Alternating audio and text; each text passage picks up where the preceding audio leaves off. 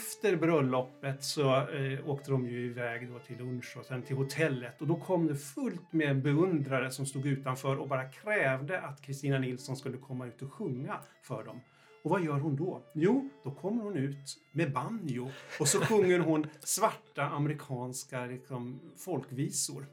Och det skulle jag ha velat höra. Det tycker jag är, är häftigt. Så hon hade flera eh, banjos och eh, hon intresserade sig av det. Kom i kontakt med det under sina USA-turnéer.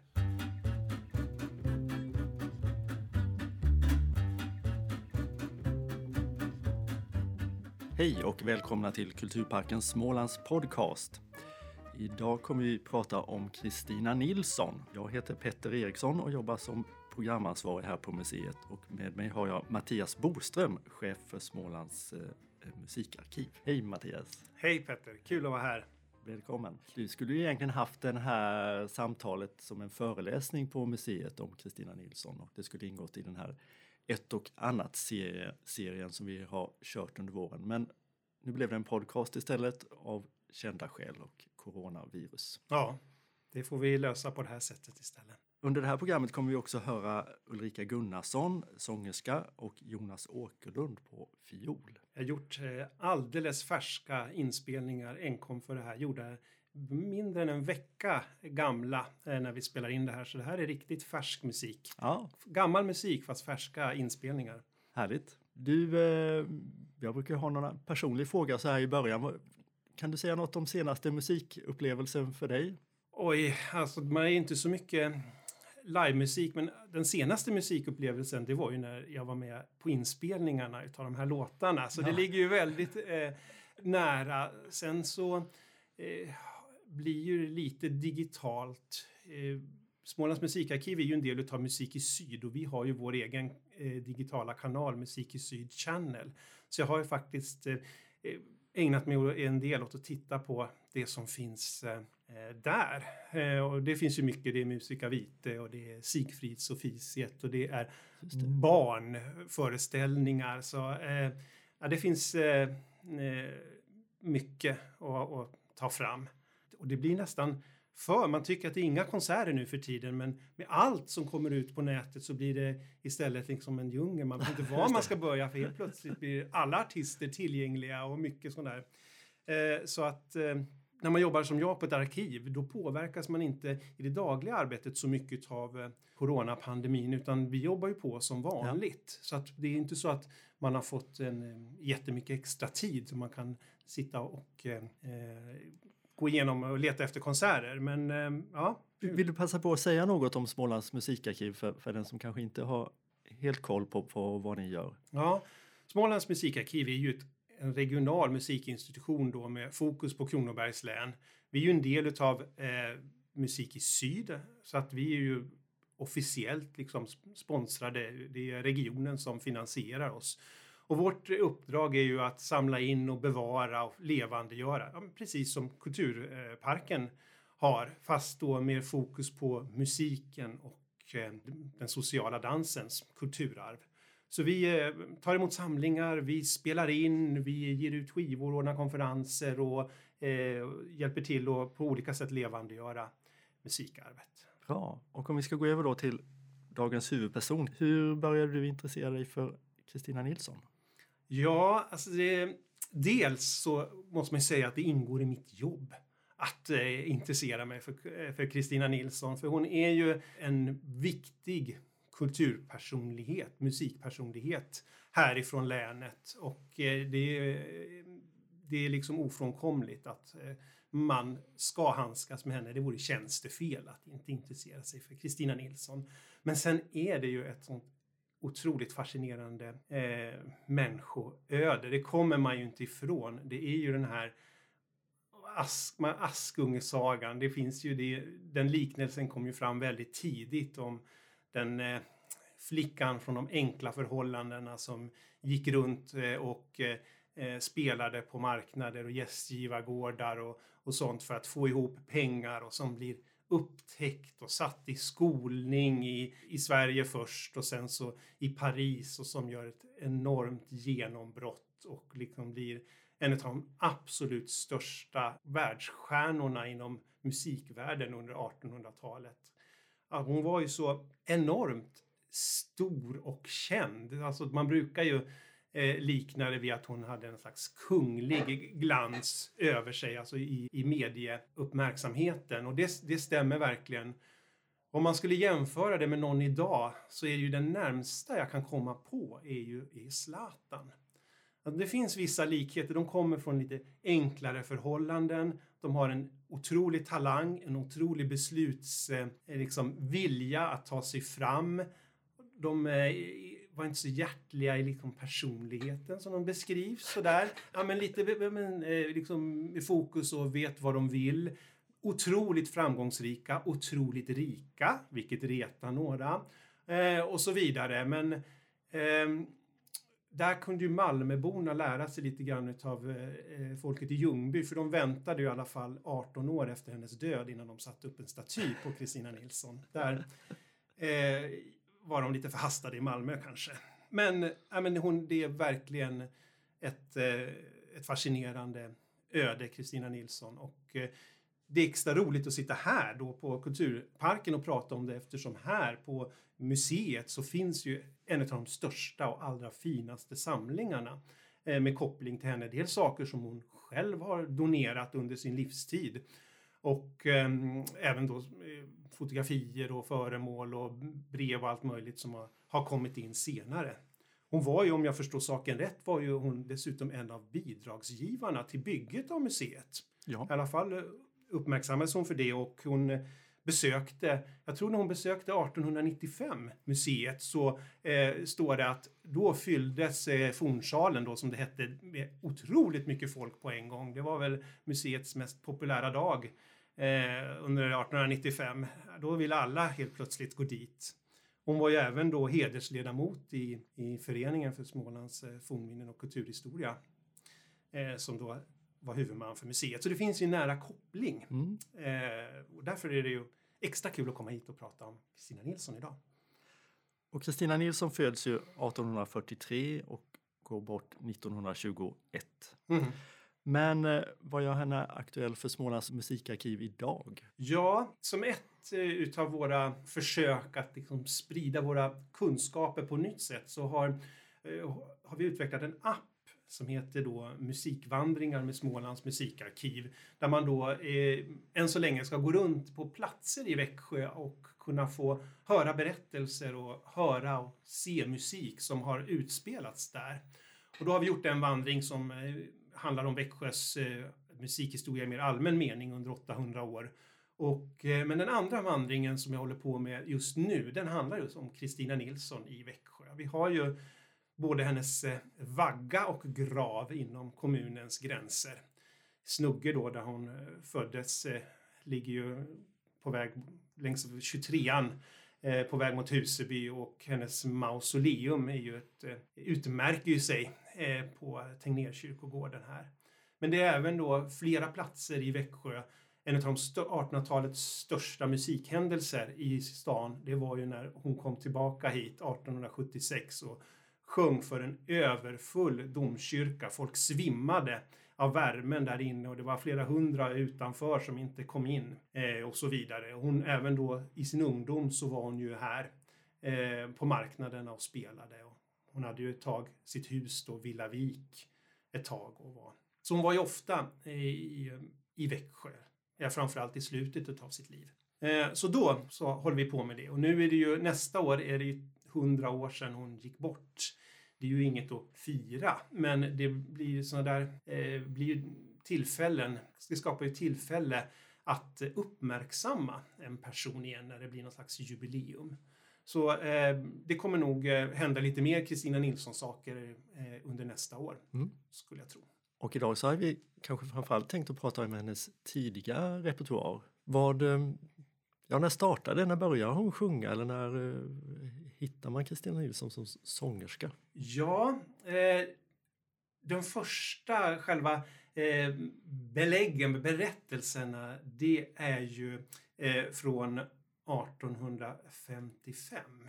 Då eh, passerar en, en redaktör, tidningsredaktör för tidningen Fäderneslandet, eh, Munk av Rosensköld. Han har eh, eh förtalat, jag tror det var den österrikiske kronprinsen eller någonting sånt där i tidningen.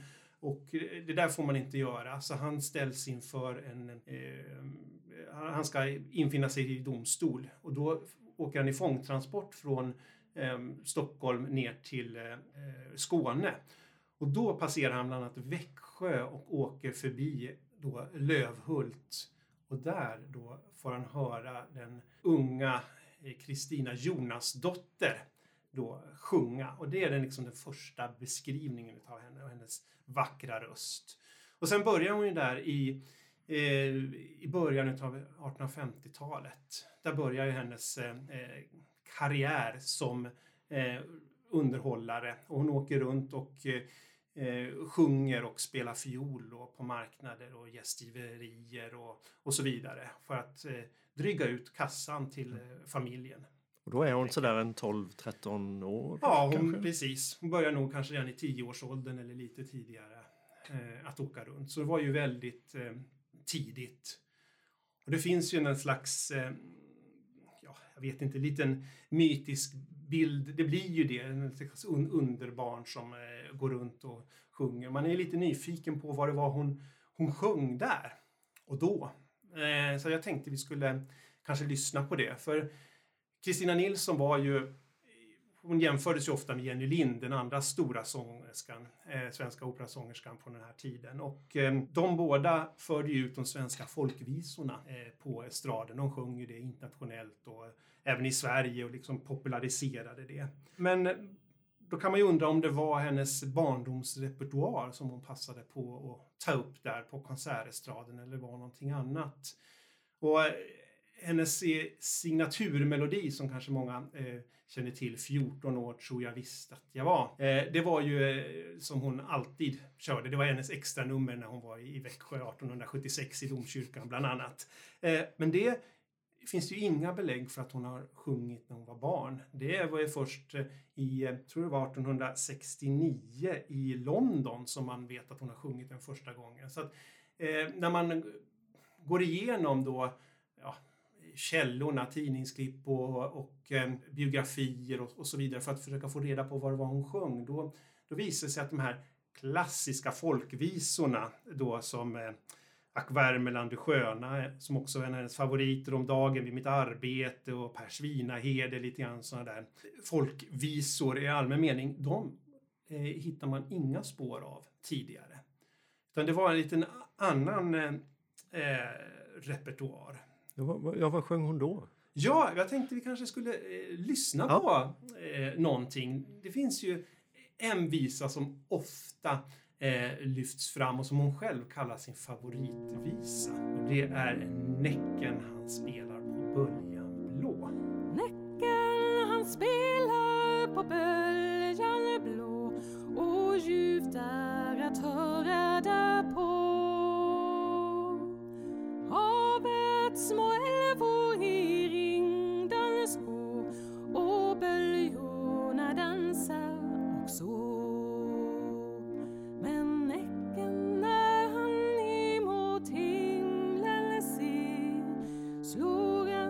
curiosité.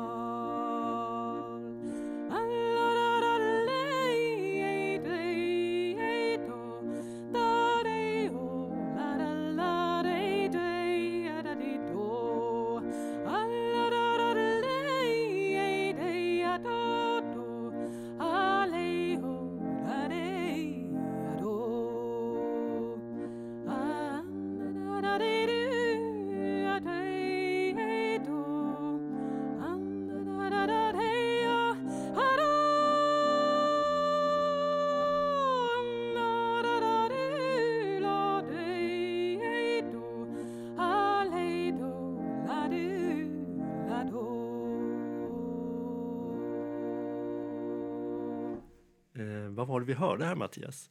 Ja, det var Ulrika Gunnarsson som eh, sjöng och spelade tramporgel. Näcken han spelar på Böljan blå. Och eh, eftersom det är repertoar som kommer från hennes tidiga tid när hon inte hade fått en eh, operaskolning eh, så har jag då valt en, en folksångerska Eh, att spela in det här. Och eh, Kristina Nilsson var ju också känd att tralla melodierna väldigt bra och det är även Ulrika Gunnarsson bra på så det passade eh, väldigt bra. Hon själv spelade ofta med fiolackompanjemang men ibland var hon ute med en annan marknadsunderhållare, Kalle Kruse, som skulle vara värt ett eget poddavsnitt. Men han, spelade vevpositiv och hon sjöng. Så det här ger ju en liten känsla utav det här. Och den här eh, visan, det är en ursprungligen italiensk eh, visa. Och den eh, blir populär vad man kan utläsa ur sådana här skillingtryck, alltså billiga vistryck som såldes på marknaden och sånt, ungefär 1855. Där verkar det explodera. Så när hon var 12-årsåldern, precis då innan hon upptäcks i, i Ljungby 1857 och sen så byter ju hon bana där kan man säga. Men eh, de här eh, sista åren, så då var det där en alldeles eh, ny och populär eh, låt. Som är också produkt av en sån ny mediaform som man kan ana senare i musikhistorien. Hur tänkte du då? Ja, jag vet framförallt inom filmen sådär så kan man koppla ganska mycket olika genrer till att tekniken har gått framåt. Att det kommer en ja. ny kamera och då kan man göra nya saker och i det här fallet kanske då att skillingtrycken blir, blir populära och att det föder en Ja, precis. Ja, men skillingtrycken hade funnits sedan 1500-talet. Okay. Utan det var att i däremot i 1800-talet den stora explosionen. Vi hade ju en jättestor produktion här i, i Småland och Växjö och Västervik och Kalmar. Det trycktes ju alla bokförläggare eller som hade boktryckerier. De passade ju på att trycka lite skillingtryck vid sidan av och sen så sålde man eh, visorna och sjöng det. Eh, det där för att sälja det. Då spelade man melodierna och sånt där. Så det var ju en...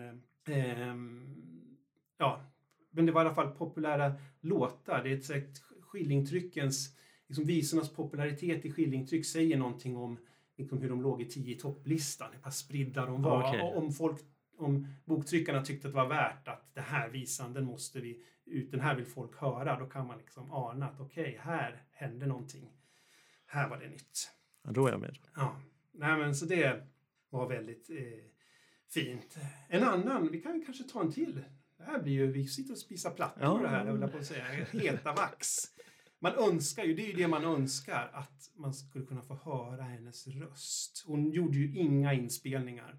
Eh, när hon slutade så, på sin karriär då vid 1888, då var ju inspelningstekniken inte utvecklad alls. Och sen ville hon inte, man kunde i alla fall ha spelat in sin röst. Det var ju många som gjorde. Mm. Eh, hon ska ha haft en säregen liksom, småländska blandad med franska och rikssvenska sådär. Hon, ja, hon, hon emigrerade ju. Hon hade ju franska som sitt eh, första språk kan man ju eh, säga under sin, hon skrev ju nästan alla brev på franska och så vidare.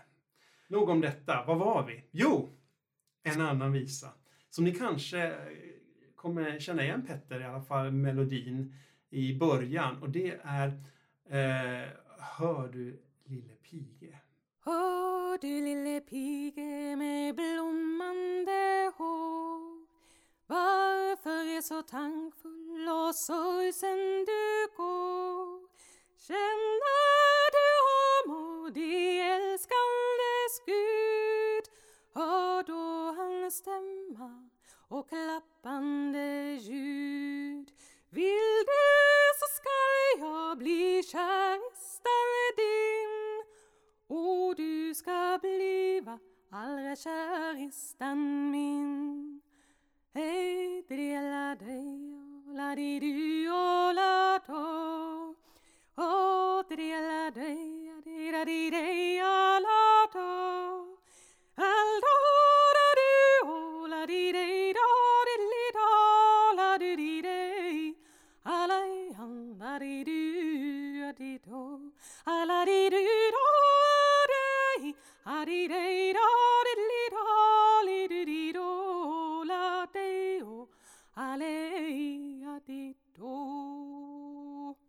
Mm, det här får du också berätta mer om. Ja, men det här, eh, ja, det var ju Ulrika Gunnarsson som eh, sjöng Hör du lille pige. Och eh, det är ju början på Turistens klagan av Cornelis Vreeswijk. Det är ju samma eh, melodi med de små barnen som sjunger på Karl Johanna. Det är ju en, en, eh, en norsk visa från början som då Cornelis eh, naturligtvis har inspirerats utav. Det är ju en traditionell teknik att man eh, lånar och inspireras. Och det här är också en, eh, en visa som då påfallande dyker upp i mitten av 1850-talet och blir eh, populär eh, och eh, sprids då i en massa olika eh, skillingtryck. Så, och det, det, ser ut så när man går igenom eh, Kristina Nilssons tidiga repertoar, vad som står i minnesteckningar och sådär. Vad var det hon sjöng för visor och undersöker titlarna. Så är ju nästan alla är ju hits då, de senaste slagdängorna från 1850-talet. Så att om man då tänker sig eh, att Kristina Nilsson då i sin folkliga bakgrund hade då förvaltat någon slags värendsk uråldrig sångtradition. Eh, då är man ju helt fel ute. Utan eh, hon verkade ju bokstavligen på en kommersiell marknad. Hon var ute för att få pengar för sin musik. Och då är det inte förvånande att eh, dessutom en ungdom, eh, 12-13-åring, att hon vill sjunga de senaste hitsen helt enkelt. Så det är ju en, en eh, spännande eh, del av eh, hennes repertoar. Att det var liksom de senaste hitlåtarna som man kunde höra på Gottåsa gästgiveri och marknaden i, i Kråketorp och så vidare där på 1850-talet. Sen verkar hon inte ha tagit med sig de här repertoaren då in på scenen för där passade ju inte det. För det här var ju någon slags eh, alltså, mm, populärmusik i den meningen. Det fanns ju ingen i, i, i det folkliga sammanhang någon slags eh, eh stor skillnad mellan liksom, folkmusik och populärmusik utan folk ville ju höra bra modern musik. Det kanske fanns en del uråldriga låtar som man hade vid, i olika liksom, ceremonier och så vidare men annars så ville ju folk ha det senaste. Mm, och eh, då när man kommer upp i, i, på konsertscenen, då fanns folkmusiken i en annan form. Då var de liksom med pianoackompanjemang och visor som hade upptecknats i början av 1800-talet och som presenterades som folkvisor. Så där fick hon liksom en ny eh, repertoar eh, när hon var på scenen. Men sen när hon eh, kom tillbaka till Sverige då mera kring eh, sekelskiftet 1900 och sånt där. Och då började hon intressera sig för sin gamla ungdomsmusik. Och hon ordnade en, bland annat en spelmanstävling i Växjö 1913 när hon fyllde i samband med hennes 70-årsdag. Och hon spelade ofta liksom musik och ordnade danser ute i, på Gårdsby och sånt i samband med sin, sin födelsedag. Men då, blir det, då hade ju den musiken blivit ett slags retrointresse. Hon liksom kom tillbaka och sökte upp eh, liksom raggarna från sin ungdom. Det som hade varit hennes ungdoms liksom, musik, dansmusik, det var de som hon lyfte fram. För då hade hela samhället förändrats. Då var populärmusiken någonting annat. Men hennes ungdomsmusik hade då fått en annan eh, värdering som fin eh, folkmusik. Eh, så det är en spännande aspekt av hennes liv musikaliska liv och så. Har vi något mer vi ska lyssna på just nu eller ska vi gå vidare med frågor? Ja, ska vi ta en till? Det är ju lite roligt, alltså det finns ju en väldigt sorglig eh, visa. Det finns ju ganska mycket visor. Många kanske känner igen i en sal på lasarettet och sådär när man ska verkligen känna med eh, huvudpersonen som det går illa för. Och om du då är ute på en marknad och försöker eh, få pengar för din musik. Det var ju en del som var blinda och handikappade och på olika sätt som också eh, försörjde sig med musik. Då är det ju bra att ta en text som här eh, har ett, eh, ett sånt tema. Och den här tiggarflickan, det är ju då en flicka som är ute och tigger bröd till sin mor och sin bror. Hon fryser och det är kallt och så när hon kommer hem så har mamma dött och lillebror dött och så dör hon själv i slutet. Så det är en riktig sorglig historia. Småländsk blues. Ja, lite grann. Från 1800-talet. Hur det är så kallt, så kallt jag Knappast mina kläder skyla mig Utav hunger och av kärlek.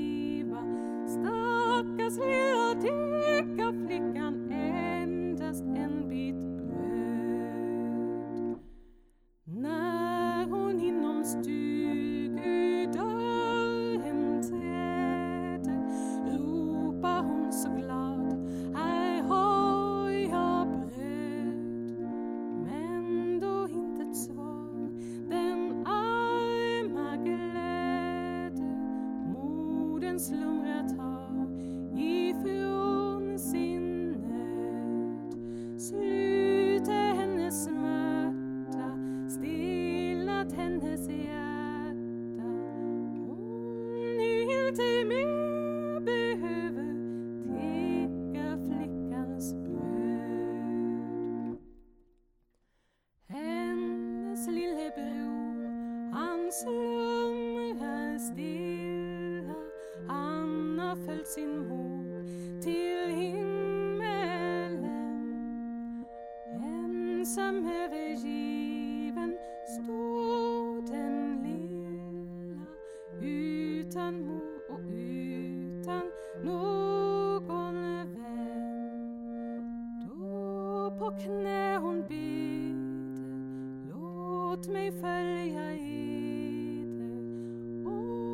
Och sen dess har all aldrig bett om bröd Och sen dess har all i bett om bröd Vi kanske får eh, muntra upp oss lite efter den eh, visan. Du, är det något särskilt i Kristina Nilsson eller kring Kristina Nilsson som du är särskilt eh, fascinerad över eller kommit att fastna för? Ja, det finns ju en sak. Eh, nu för tiden har vi en liten hype kring americana. Lite eh, rootsmusik från eh, Amerika. Och det intresserade Kristina Nilsson också. Hon var väldigt intresserad av banjo. Och det berättas då att hon gifte sig i första gången 1872 i Westminster Abbey i London med eh, fransmannen Rousseau. Och efter bröllopet så eh, åkte de ju iväg då till lunch och sen till hotellet och då kom det fullt med beundrare som stod utanför och bara krävde att Kristina Nilsson skulle komma ut och sjunga för dem. Och vad gör hon då? Jo, då kommer hon ut med banjo och så sjunger hon svarta amerikanska liksom, folkvisor. Och det skulle jag ha velat höra. Det tycker jag är, är häftigt. Så hon hade flera eh, banjos och eh, hon intresserade sig av det. Kom i kontakt med det under sina USA-turnéer. Eh, hon var ju en väldigt eh, fin eh, fiolspelman också, eller violinist. När hon gjorde sin första konsert i, i Stockholm där 1860 så var det en del recensenter som tyckte att hon skulle nog satsa på fiolspelet snarare än, än sången. Och hon eh, ju igång eh, det något sånär under sin karriär men sen eh, i slutet av sitt liv så spelade hon ju ofta fiol till dans och så vidare.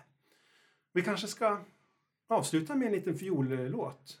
Ja, men ska vi göra det? Ja men eh, knyta Så- ihop det. Rundar vi av där. Ja.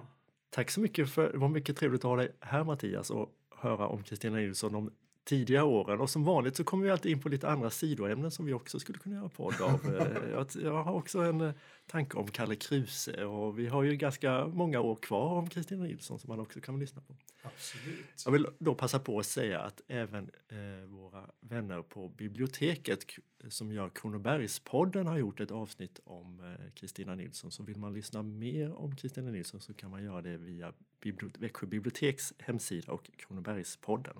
Men då lyssnar vi på en faktiskt en fortfarande känd låt, allspelslåt, som många spelar idag, som just kallas Kristina Nilssons vals. Och eh, den ska hon ha spelat tillsammans med en eh, toffelmakare som heter Håkan Johansson eh, från Västra Torsås.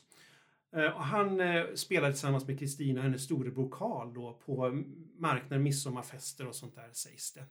Och eh, han var med i en spelmanstävling i Lund 1907 och då spelades den där låten och lärdes ut och upptecknades sen. Och den då är känd idag som Kristina Nilssons vals och det är Jonas Åkerlund som spelar fiol.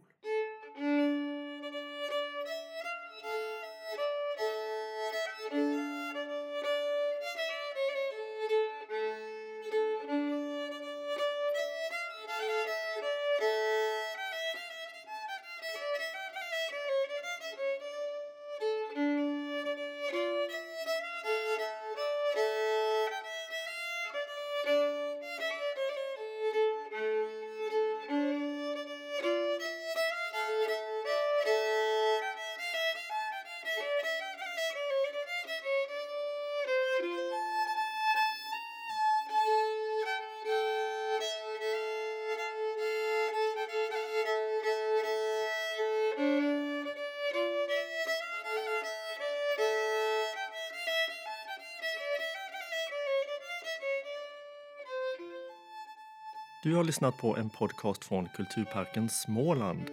Idag har vi talat om Kristina Nilsson. Medverkande Mattias Boström, chef Smålands musikarkiv. Ulrika Gunnarsson, sång. Jonas Åkerlund, fiol. Teknik och redigering Kim Lindstedt. Producent Petter Eriksson.